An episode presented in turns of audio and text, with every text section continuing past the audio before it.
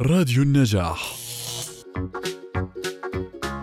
الأمهات تلجأ تجاه هذه المشكلة عن طريق غصب الطفل على الأكل. آه هاي الطريقة صحيحة أو هل في طرق أخرى؟ يعني في ناس مثلا تستخدم مثلا السرنج بالطعم ابنها بالسرنج بال يعني آه، غصبا عنه يعني لازم يأكل غصبا عنه. فهل هاي الطريقة صحيحة؟ ممكن يكون في طرق أخرى إنه نساعد مستمعاتنا اللي بتعاني من هاي آه. المشكلة؟ أكيد أكيد هاي الطريقة مش صحيحة ابدا. يعني إحنا برجع العلاج إحنا بدنا نقول هلأ على علاج فقدان الشهية بشكل عام. يعني لما أجي أنا بدي هلا الطفل احتياجه مش زي ما هي الأم متخيلة. يعني هلا الأم بدها تحط له هذا الصحن بدك تاكله. يعني هلا الطفل بعد السنتين كمية ال- الاحتياج عنده وسعراته بتقل لأنه نموه حيكون أصلا أقل من أول سنتين.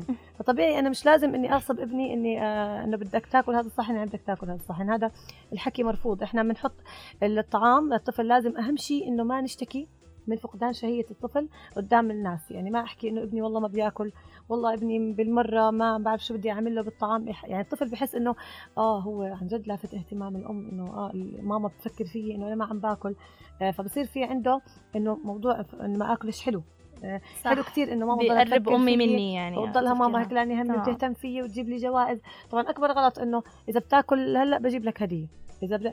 تربط الطعام آه، بالجائزة مثلا. أو إذا آه. أنا ما أكلت يعني معناها إذا أنا ما أكلت آه، معناته أنا مش حينجاب لي جائزة أو مش حطلع. أيوة ما فبصير بصير ما في هناك آه، يعني ما في تنظيم لموضوع الطعام. يعني أنا ممكن آكل أنا مش جوعان بس عشان آخذ الهدية مثلا.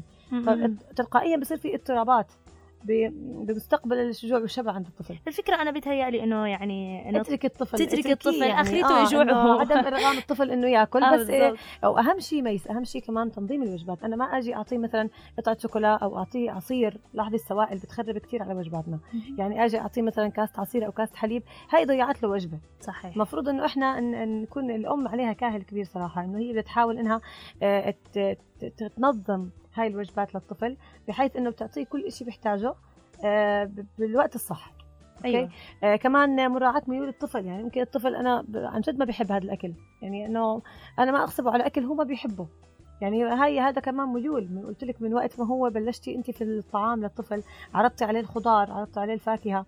آه إذا أنت مطعمتيه فاكهة قبل الخضار إذا الطفل بده يميل للحلو. م-م. فما تيجي تجبريه إنه أنا والله بدك تاكل مثلا الكوسة بدك تاكل الرز بدك تاكل خلص الطفل هي الفكرة إنه نوعي له وشوفي شو هو. بيختار مثلا بالضبط، بالضبط. وبنفس الوقت اتركيه يعني مثلا آخريته يجوع لسه بدي بالضبط هو أحكي حياكل آه. آخريته يجوع ويجي ياكل بس يعني. يلاقي الخيار الصح ويلاقي الخيار اللي فيه آه تحت آه، تحت إشرافك أنت يعني إنه بالضبط. ما يختار مثلا الأشياء اللي لا مضرة ما أكون حاطط له شوكولاتة ولا شيبس ولا حلويات إنه لما يجوع يروح يلجأ ل آه، لهي المجموعة. لا إحنا بهمنا إنه الطفل لما يجوع آه، ياخذ ال- الغذاء الصح سواء كان من أكل البيت سواء كان خضار سواء كان فواكه آه، سواء كان حليب.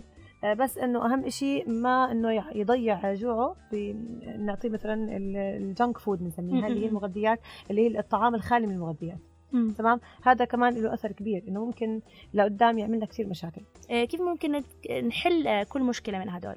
انه فسيولوجي عصبي أمراض مزمنة فقدان فقدان شيء شهية المؤقت مؤقت. اللي, اللي اللي الأغلب بيعانوا منه آه هو هذا فقدان الشهية المؤقت أنا وضحت هذا السبب قبل ال miss إنه آه، نمو الطفل بيكون مختلف إيه. بتجي مراحل إنه آه، هاي المرحلة بيكون نمو سريع إذا الطفل بيطلب أكل أكثر إذا بتحسي آه، تحسن على شهيته تلقائي.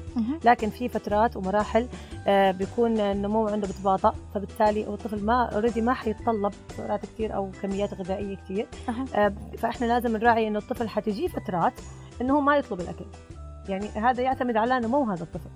آه، إمتى إحنا بنخاف لما فعلا نشوف إنه طول طول الطفل ووزنه مش متناسبين وإنه عن جد في مشكلة في أكله وطولت هاي الفترة. أها. ساعتها إحنا ممكن نعتبر هذا الموضوع إنه آه، موضوع آه، مرضي.